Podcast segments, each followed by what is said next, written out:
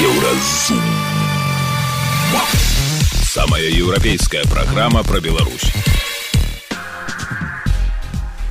Вітаю, гэта праграма Еўразум. І самыя важныя падзеі сэнсы чацвярга сёмага снежня. Чаму ўсе гавораць пра серыял слова пацана? Гэты серыял настолькі папулярны, таму што мужчыны не маюць нейкіх ролевых мадэлей, сучасныя мужчыны, сучасная моладзь, маладыя мужчыны, сучасныя падлеткі.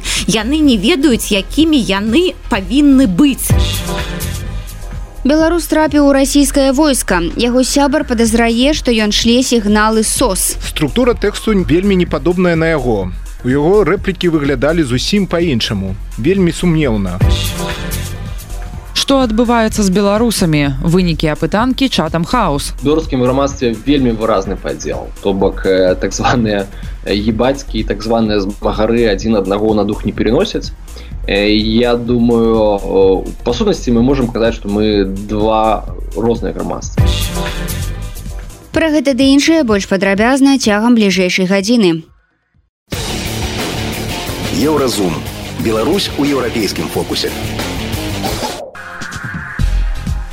Апошнія дні соцсеткі абмяркоўваюць новы расійскі серыял слова пацана. Гэта гісторыя пра моладзевыя банды пачатку 80-х гадоў у савецкім татарстане. Сюжэт там такі. Хлопцы ў дварах дзеляцца на пацаноў і чушпаноў. І Андрэй, выдатнік і музыка, праз булінг вырашае далучыцца да адной з груповак. Аўтары фільма кажуць, што іх мэта паказаць, што зло вяртаецца злом і што нельга станавіцца на сцежку гвалту. Тым не менш вакол серыялу ўжо кіпяць жарсі. У рассіі гучаць заклікі забараніць кіно, бо яно нібыта вучыць дзяцей кепскаму. Беларускім сілавікам серыял спадабаўся, ну не дзіўна. А у мінскіх бацькоўскіх чаціках настаўнікі раюць не даваць дзецям глядзець гэты серыял на ўсялякі выпадак. Ну а дзеці ўжо сапраўды гуляюць у гульні па матывах гэтага серыялу. Прычым серыял глядзяць па ўсёй былой савецкай прасторы нават ва ўкраіне. Дык што адбываецца? Ці сапраўды гледачу паказваюць добрае кіно, альбо мы маем справу з прапагандай рускага свету. Пра гэта наш рэдактар змейцер лукашук пагутарыў з медыяэксперткай ірынай сідорскай. На маю думку гэты серыял мае толькі ўскоснае значэнне вось да таго што адбываецца ў расійскіх і на жаль у беларускіх школах таксама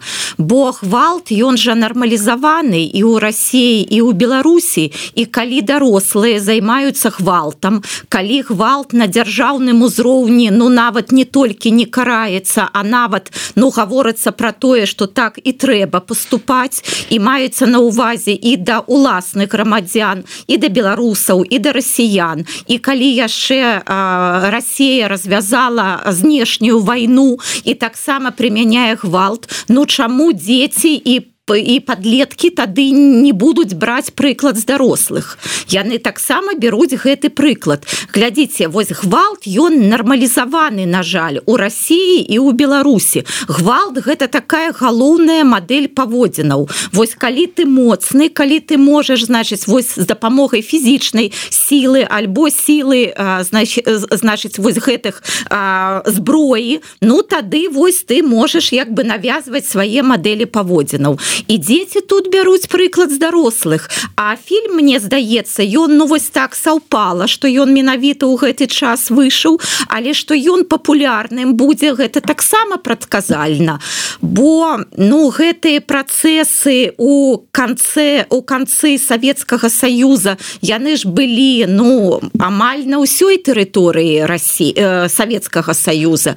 І у беларусі яны былі таксама бо тут жа что было? Гэта гэта а, такая вялікімі тэмпамі шла урбанізацыя. І вось гэтыя яшчэ учора сельскія жыхары яны прыязджалі ў горад яны пераносілі вось свае мадэлі сельскага жыцця гарадскіх мадэляў жыцця у іх яшчэ не было. А можа наадварот яны станавіліся такімі маргіналамі што сельскія мадэлі жыцця яны адкінулі а да гарадскіх яшчэ не прыйшлі.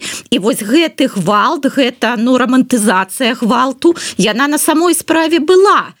Але яшчэ раз фільм тут фільм адлюстравання того что адбывалася ў грамадстве і на жаль адбываецца зараз.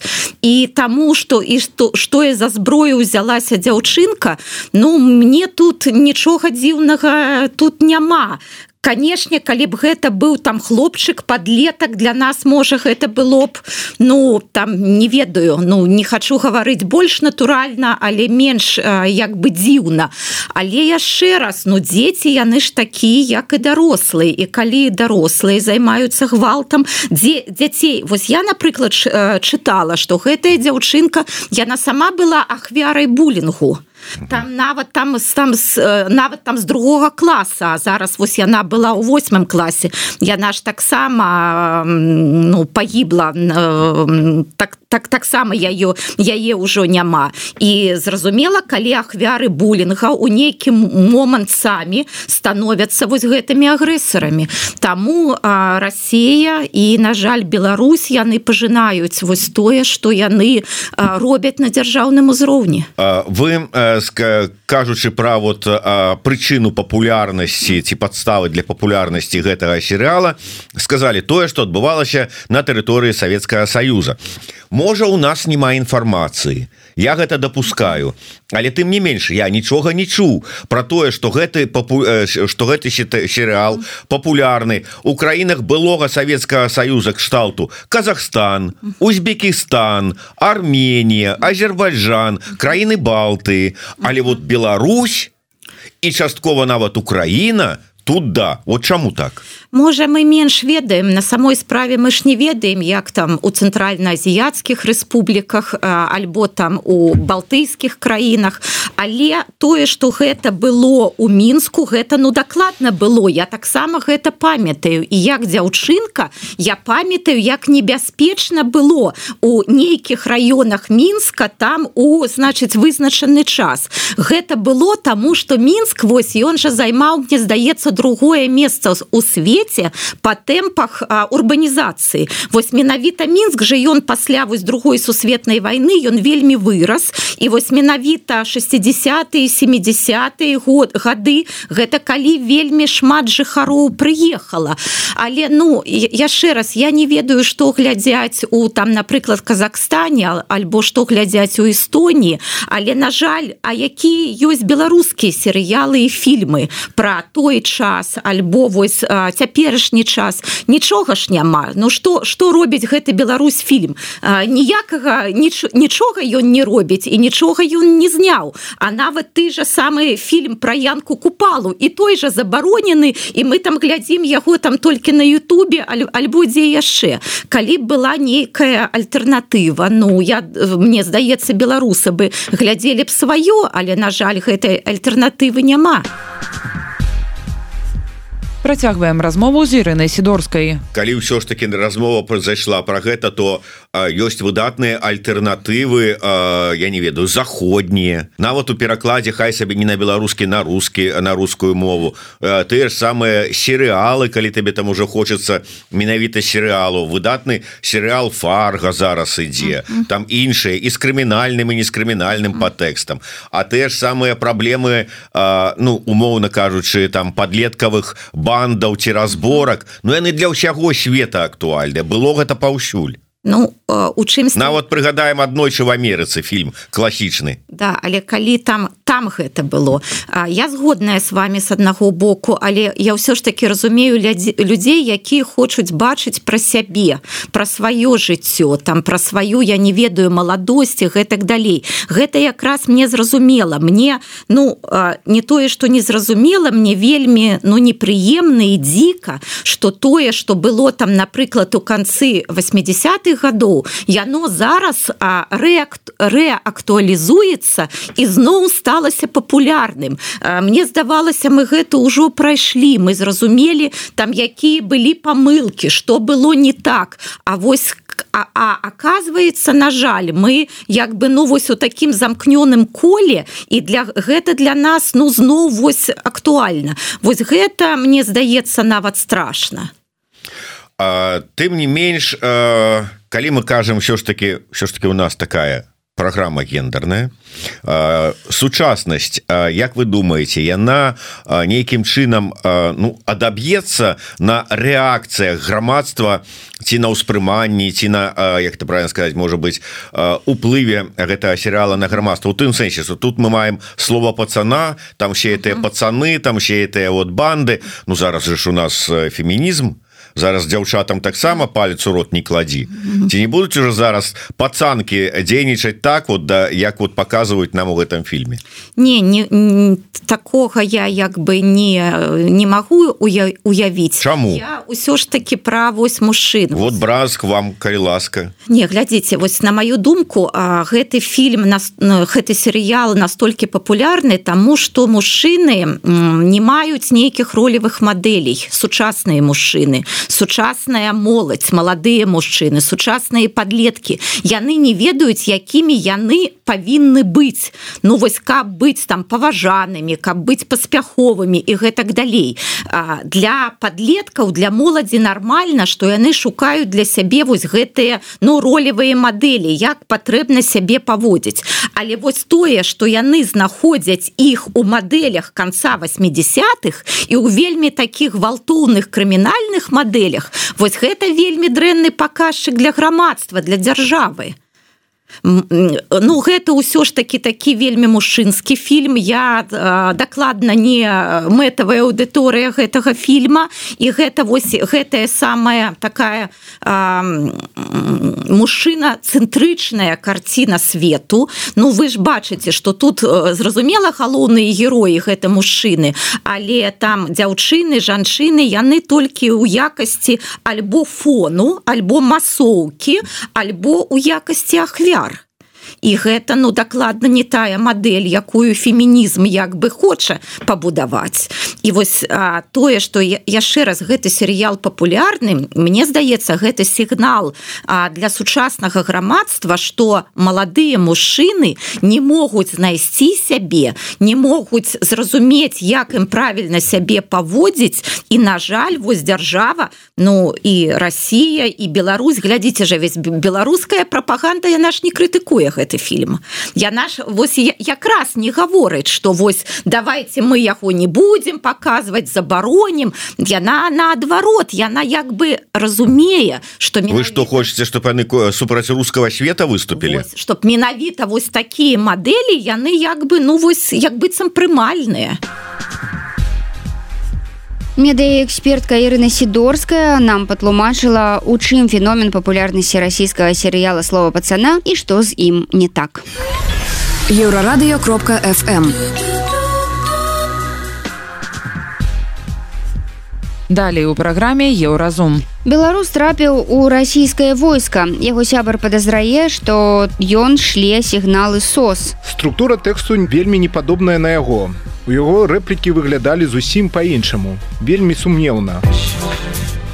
Што адбываецца з беларусамі вынікі апытанкі чатам хаус беларускім грамадстве вельмі выразны падзел то бок э, так званыя ебацькі так званыя змагары адзін аднаго на дух не переносяць э, я думаю па сутнасці мы можемм казаць што мы два розныя грамадства сустрэнемся пасля навінаў спорту Еўразум. Беларусь у еўрапейскім фокусе.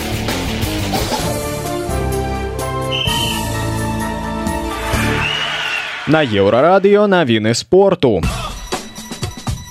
Дынамашыннік прайгралі амурскім тыграм у рэгулярным чэмпіянаце маладзёжнай хакейнай лігі 03. Напярэдадні было паражэнне 1-5. Бабруйская каманда займае чацвёртае месца ў срэбным дывізіёне заходняй канферэнцыі МХл энергетык бДУ і віцебск згулялі ўнічю 00 у першым пераходным матчы за магчымасць выступаць у эліце беларускага футбола. Усё вырашыцца ў паядынку які 9 снежня пройдзе ў віцебску. Мінская каманда сёлета заняла ў вышэйшай лізе 14 месца а віцебская была трэцяй у першай лізе. у беларускі нападаючы сталі Ілля шкурын названы найлепшым гульцом месяца ў чэмпіянаце польшчы. У трох лістападаўскіх матчах ён забіў чатыры галы. Шкурын стаў другім гульцом у гісторыі сваёй каманды з падобным дасягненнем Вызначыліся сапернікі футбольнай зборнай Беларусі ў 17 па элітным раўндзе чэмпіянату Еўропы. У восьмай групе каманда Дмітрия Караткевіча згуляе супраць зборных Польшчы, Чэхіі, Босніі і герцагавіны. Матчы пройдуць у Босні герцагавіне ў сакавіку наступнага года. Баскетбаліст Даласа Лука Дончыч стаў самым выніковым у матчы супраць юты 147-97. Ён набраў 40 ачкоў. Дончыч стаў першым гульцом у гісторыі NBA, які аформіў трыпл-дабл за першую палову матча, набраўшы 25 ачкоў. Гэта былі навіны спорту, заставайцеся на еўрарадыё. Еўрарадыё. Моц настрою. Надоечы чытач еўрарадыё Александр падзяліўся з намі трывогай. Ён падазрае, што яго старога знаёмага супраць волі утрымліваюць у расійскім войску. Гаворка ідзе пра жыхара гродзеншчыны станіслава сяўко. Паводле александра ў двадцатым годзе стас удзельнічаў у беларускіх пратэстах. Ён сірата яго выхоўвала бабуля. У беларусі у яго былі праблемы з грашыма. Выжываць на заробак прадаўца не атрымлівалася і ён з'ехаў у москву Александр кажа, што па прыездзе ў рассію стас працаваў на складзе вайлберрис, а потым знікі доўга не пісаў. У прынцыпе і мінулым разам, калі ён туды з'язджаў, хлопцы размаўлялі нячаста. Звычайна стас з'яўляўся, калі ў яго былі праблемы. І вось нядаўна стас напісаў сябру і расказаў, што прывыкае да армейскага жыцця. Александр здзівіўся і паспрабаваў распытаць, як яго сябар, мяккі і спакойны чалавек трапіў у расійскую армію, але тут стыль перапіскі рэзка змяніўся. Стас, які скончыў звычайную вясковую школу на гарадзеншчыне раптам зрабіўся акуратным у пунктуацыі і арфаграфіі і попрасіў Александра не верыць таму, што пішуць у нэце. І мяркуючы са стылістыкі гаворкі, мяркуючы з пісьменнасці працягнуў зносены ўжо не ён. У гэтым упэўнены Александр. Я ўвогуле не магу зразумець, што адбываецца. Ён і войска гэта аксюмаран. Еўрарадыё паспрабавала разабрацца ў гэтай дзіўнай гісторыі. Слухаем наш рэпартаж чаму нас занепакоіў гэты зварот першага снежня BBC выпускаюць тэкст у якім расказваюць пра беспрэцэдэнтныя аблавы на салдатаў тэрміновай службы ў Маскве. Ваенкаматы адпраўляюць войска людзей з сур'ёзнымі захворваннямі і прыезджых з іншых рэгіёнаў. А за тыдзень да гэтага Беларусь абляцела гучная навіна. На склад Вайлдберрис у Маскве уварваўся Амап і пачаў раздаваць позвы. Гучная, бо праз гэта многія беларусы сутыкнуліся з затрымкай у пастаўцы замоўленых тавараў. Пасля пераезду ў Маскву менавіта на складзе Вайлдберрис працаваў беларус Станіслаў Сяўко. Свайму сябру ён напісаў акурат праз два дні пасля таго, як навіна пра хапун на Вайлдберрис абляцела сеціва. Мы не сцвярджаем, што грамадзянін Беларусій трапіў пад такі хапун. Уручыць позву грамадзяніну іншай краіны папросту немагчыма. Але мы не выключаем, што Станіслаў знаходзіцца ў расійскай ваеннай часці супраць сваёй волі і вырашылі звязацца з ім наўпрост. Мы пісалі сітуацыю як ёсць, маўляў, стас, сябры хвалююцца за вас і думаюць, што вы трапілі ў расійскае войска не на ўласнае жаданне. Стас, ці мы не выключаем іншы чалавек, які вёў размову з аккаунта Станіслава Сяўко, адказаў нам так. Не, Гэта маё жаданне. Да таго, як я падпісаў дакументы, два месяцы абдумываў гэтае рашэнне. У выніку падпісаў і не шкадую. Вядома, я разумею, чым рызыкую, але маральна я гатовы. Падрыхтоўка ідзе нескладана, складана ўсвядоміць, для чаго ты туды едзеш і што там мішэні будуць не з кардону, а жывыя. Са слоў нашага суразмоўцы цяпер ён знаходзіцца ў саратаўскай вобласці. Там салдаты ў тэрміновай службы навучаюць перад адпраўкай на вайну ва ўкраіне. Я мяркую, што Расія і Беларусь гэта брацкія народы і ў такі цяжкі час трэба адно аднаго падтрымліваць, нават рызыкуючы сабой. Напісаў чалавека з аккаунта стаса. Запаведу Александра сябра стаса. Мы ведаем што станіслав гэта мяккі добры чалавек. Праз тое што многае прымаў блізка да сэрца у яго былі праблемы з алкаголем. Сябра стаса адназначна кажа нічога не прадказвала што аднойчы ён убачыць свайго добрага знаёмага ў ваеннай форме. Таму каб праверыць ці сапраўды з аккаунта беларуса з намі перапісваецца стас сяўко мы пытаем ці марыў ён калі-небудзь пра войска Пра войска я не марыў, гэта не ў маім характары было.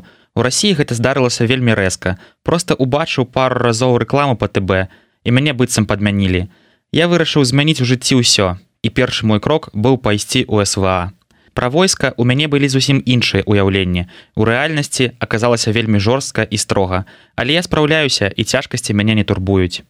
З дзяцінства я быў супраць нейкіх ваенных дзеянняў і гвалту ў дачыненні да людзей, крытыкаваў палітыку ў дачыненні да ваенных дзеянняў, Але яшчэ раз паўтаруся, пайсці ў расійскае войска у мяне атрымалася раптоўна. Стаса гадавала бабуля, яго бацька памёр, з мамой ён даўно не мае зносін. Чалавек, які вёў перапіску з яго аккаунта, ведае пра яго асноўную інфармацыю.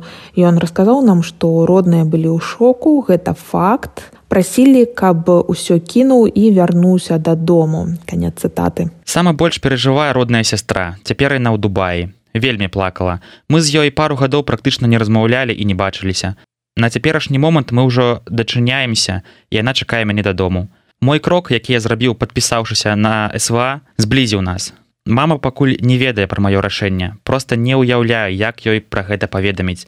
Ды і думаю можа і не варта казаць. Не хачу каб яна таксама перажывала Еўрарадыё спрабавала звязацца з сястрой стаса па двух тэлефонах, але яна не адказала нам ні ў адным з месенджераў. Тады мы вырашаем праверыць, ці ведае наш суразмоўца гродна, горад, у якім вырас стас. Распытваем, па чым ён сумуе больш за ўсё, знаходзячыся ў казарме чужой краіны. Парадзімі сумую, асабліва па горадзе гродна. Ратуе, што ў інтэрнэце чытаю навіны і гляджу відэа пра Беларусь і горад гродна. У грудні я жыву з 2007 года і для мяне гэта родны горад. Часта сню, што я там гуляю па вуліцы, парку, але калі расплюшчваю вочы, разумею, што гэта сон і што я ў гарнізоне. У траўні павінен быць адпачынак. Вось я лічу дні, каб прыехаць дадому. Як бы не цяжка жылося ў Беларусі, а дадому цягне і чым далей, тым мацней. Александр сябра стаса, які з намі звязаўся, запэўнівае ягоны знаёмы піша зусім інакш. То бок стылістыка тэкста не падобная да таго, як звычайна стасуецца стас. Структура тэксту вельмі не падобная на яго. У яго рэплікі выглядалі зусім па-іншаму, вельмі сумнеўна. У яго сярэдняя вясковая школа ў анамнезе. Якія сны ў гарнізоне? Просто вішнёвы сад нейкі каментуе александр. Але чалавек які піша ведае агульную інфармацыю пра яго. Ён сапраўды 17 гадоў прыехаў у гродна паступаць у тэхнікум гэтая перапіска не пераканала нас у тым што з аккаунта беларуса станіслава сяўко з намі камунікуе менавіта стас і мы прапанавалі суразмоўцу стэлефанавацца і зрабіць інтэрв'ю пра тое што прывяло яго ў расійскае войска. Ён нахватна пагадзіўся і прапанаваў час. Маўляў з гадзіны да паловы чацвёртай у яго абед або пасля шостой вечара. Мы сумняваемся што ў звычайнага салдата кантрактніка можа быць такі графік дзве з паловай гадзіны абеду і вольны час пасля 18:00. Гэта падобна хутчэй на графік афіцера. Нягледзячы на тое, што першапачаткова чалавек, які перапісваўся з намі быў відавочна схільны даць інтэрв'ю у запланаваны для размовы дзень, ён перастаў выходзіць на сувязь з адным з нашых журналістаў і цалкам ачысціў перапіску з іншым. У іншых месенджерах аккаунт стаса таксама маўчыць. Мы не можемм выключаць імавернасці, што беларускага грамадзяніна утрымліваюць у расійскай ваеннай часці супраць яго волі і таму звярнуліся ў беларускае міністэрства замежных спраў з наступнымі пытаннямі пытаннямі. Ці паступалі раней сігналы пра тое што грамадзян беларусі прызываюць у расійскае войска? Што рабіць калі ты аказаўся ў такой сітуацыі і ўвогуле ці будзе мзс ладзіць праверку аб магчымым утрыманні грамадзяніна Рэспублікі Беларусь станіслава сяўко ў расійскім войску. Мы апублікуем адказы і распавядзем вам пра іх як толькі іх атрымаем. У беларускага мзс не вельмі шмат часу на рэакцыю бо ўжо праз тыдзень саратаўскай вобласці стаса перавядуць у волгаград а адтуль адправіць у данецкую вобласць на вайну з украінай. Інфармацыйная служба еўрарадыо Еўрарадыё Твая улюбёная хваля. Далей у праграме еўразум. Што адбываецца з беларусамі вынікі апытанкі чатам хаус. Беларускім грамадстве вельмі выразны падзел. То бок так званыя ебацькі так званыя змагары адзін аднаго на дух не переносяць. Я думаю па сутнасці мы можемм казаць, што мы два розныя грамадства сустрэнемся пасля навінаў шоу-бізу. Еўрарадыё. Твоя улюбёная хваля.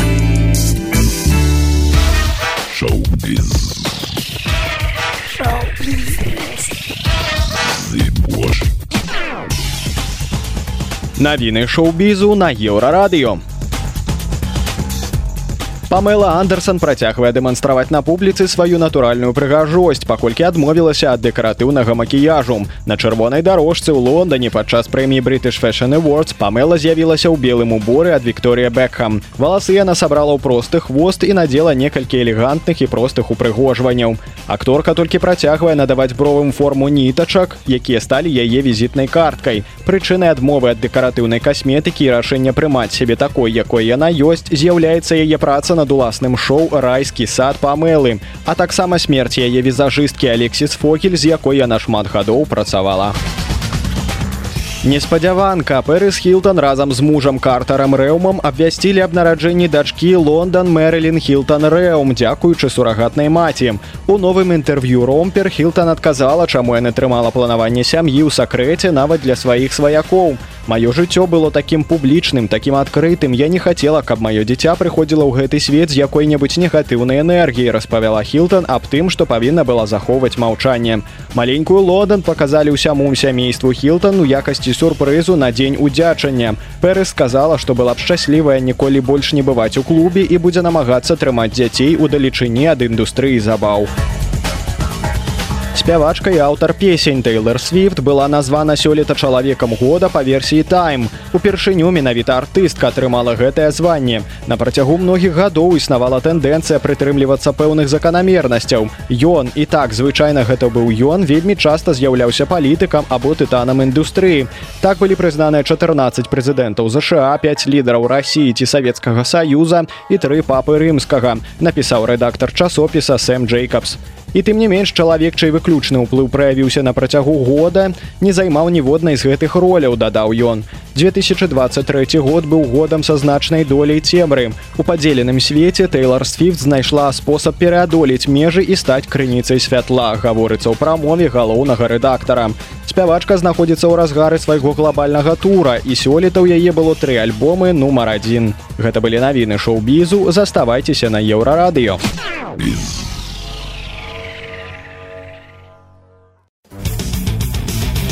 Еўразум жыві ў рытме Еўропы.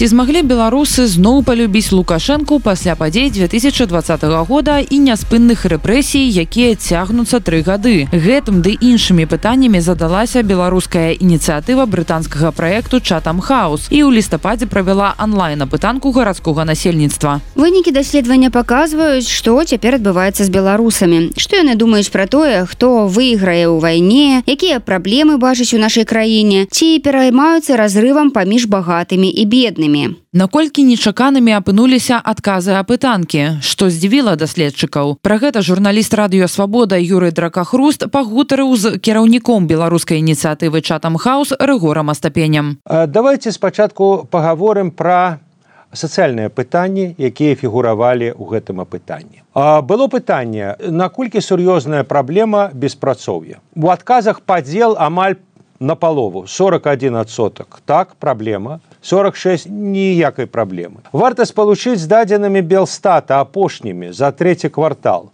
3,4 десятсотка беспрацоў э, ці сапраўды такое нізкае беспрацоўе? Тады адкуль такія лічбы 40соткаў занепакоеныя?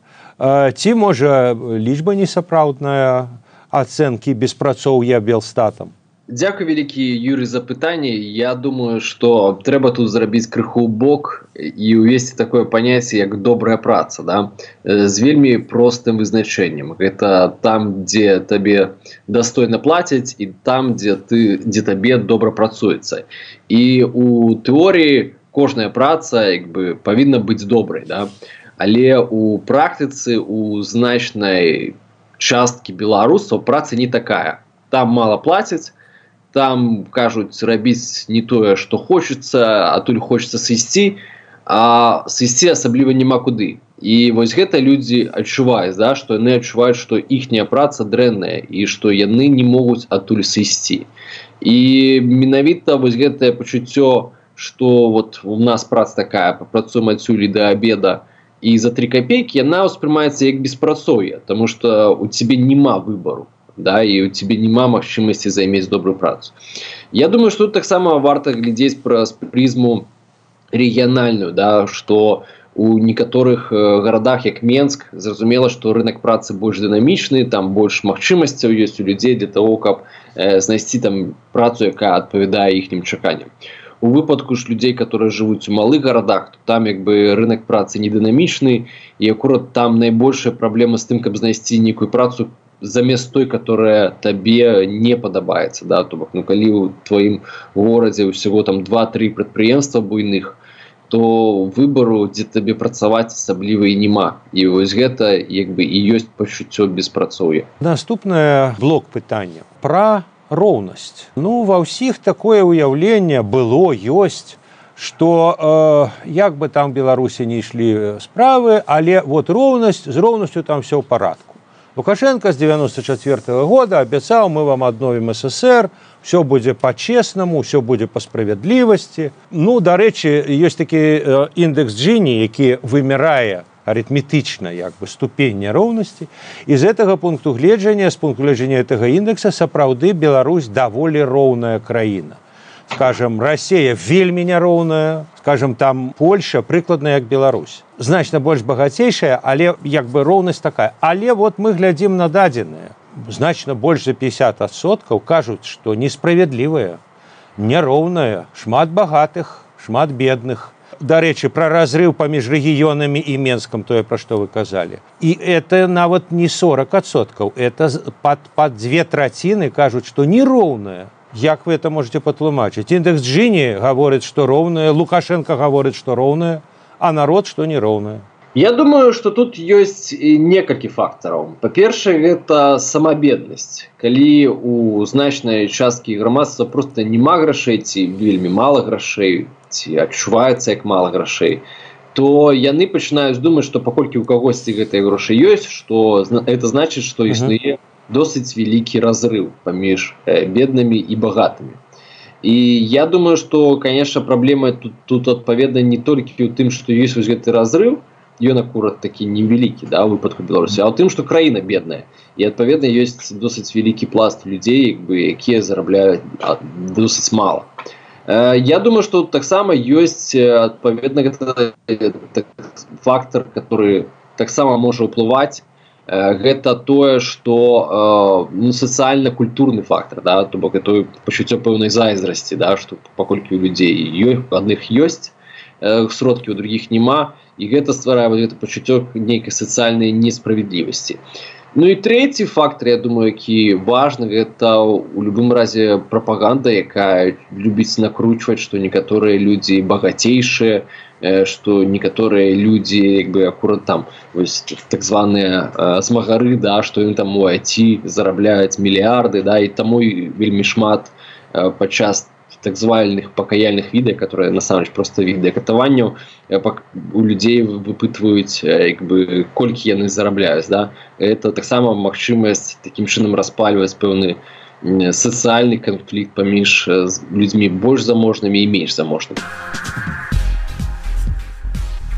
Ну а цяпер што тычыцца геапалітычных пытанняў апошняга даследавання чатам хаус. Яшчэ адно ў пэўным сэнсе вымярэнне гэтага выбару это стаўленне да вайны рассіі ва ўкраіне да ваенных дзеянняў рассіі ва ўкраіне вы задавали это пытанне таксама ад э, самага пачатку войны. Вот як бы вы пракаментавалі ізноў жа дынамік фактычна трымаецца каля траціны колькасць прыхільнікаў рассіі в этой вайне але ёсць дынаміка тых э, як бы выразна адмоўнага стаўлення аднак у лістападзе сёлета гэтыя долі амаль зраўняліся. Тым не менш не за большасць з іншага боку за э, каля траціны это раскол?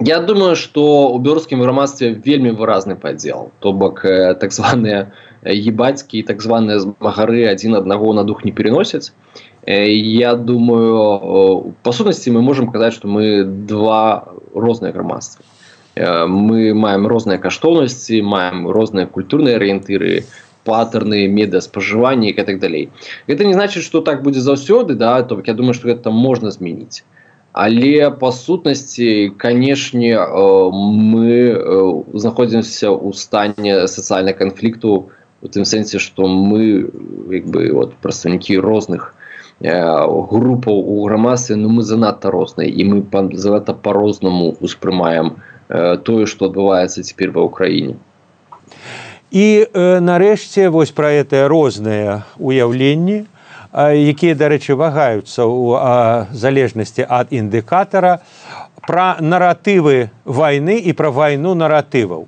Вось вашым апытанні вы высвятлялі стаўленне рэспандэнтаў да тэзаў.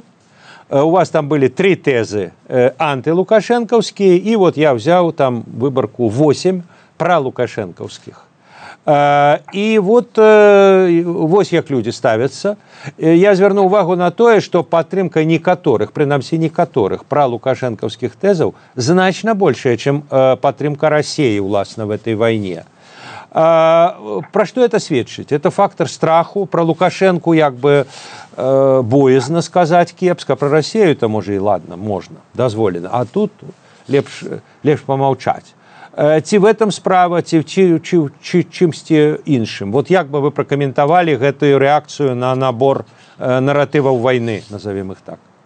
Я думаю что першае на што варта звярнуць увагу гэта тое што досыць шмат у выпадку гэтых выказанняў мы бачым падзелы на тры часткі да? То бок на тых хто не вызна не вызначыўся на тых хто падтрымлівае нейкі тэзіс і тых хто не падтрымлівае гэты тэзіс Э, то бок это зноў ж паўтарае вось гэтую справу калі мы бачым гэты падзел у беларускім грамадстве э, самое думаю там важные гэта тыя э, тэзісы которые паспяховыя альбо тыя которые не паспяховыя Ну самый непаспяховы гэта конечно вось гэты тэзіс который александр лукашенко прасоўваў что э, расійскія войскі напалі на украіну тому что украина збіралася напасці на Беларусь не на Беларусь дакладняючы на расійскія войскі у беларусі да.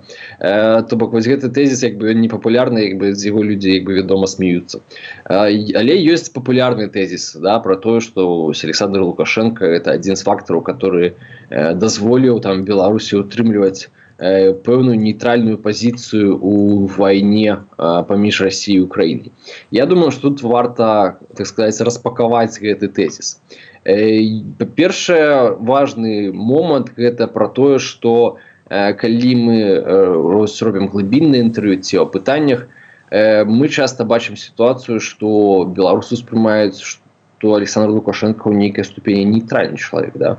Э, бы і ён вось выказвае нейкія там часа часу ідэі пра мірныя перамовы ці выказвае ідэі пра тое што э, вельмі важна каб ўжо э, скончылася вайна і яна зафіксавалася там дзе яна цяпер зараз знаходіцца то бок я думаю што вось гэта ягоная камунікацыя яна дазваляе яму крыху адстрайвацца ад э, дзеянняў Росіі і безумоўна самы важны фактор у ягонай камунікацыі бы і у чым як бы ёсць пэўны поспех ягонай камунікацыі гэта про тое што ён увесь час паўтарае што Беларусь не далучыцца да вайны то бок ён адразу усвядоміў вось гэты страх як бы беларусаў і ўвесь час яго выкарыстоўваў як бы і ён на гэтым пабудаваў камунікацыю калі мы параўнаем напрыклад гэта з камунікацыяй дэмакратычнага руху то галоўнае пасланне дэмакратычнага руху это тое што украіна павінна перамагчы ў вайне і зразумела што для медыаннага беларуса да конечно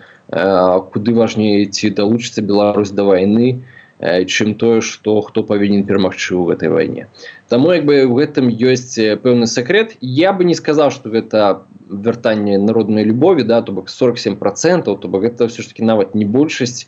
І ну трэба глядзець да цвяроза да что как бы александр лукашенко мог бы гэта і больш выкарыстаць да як бы. То бок хутчэй за ўсё гэта просто не атрымалася але ў любым разе як бы гэта некі прамежкавы поспех у камунікацыі режиму я думаю да гэта трэба прызнаць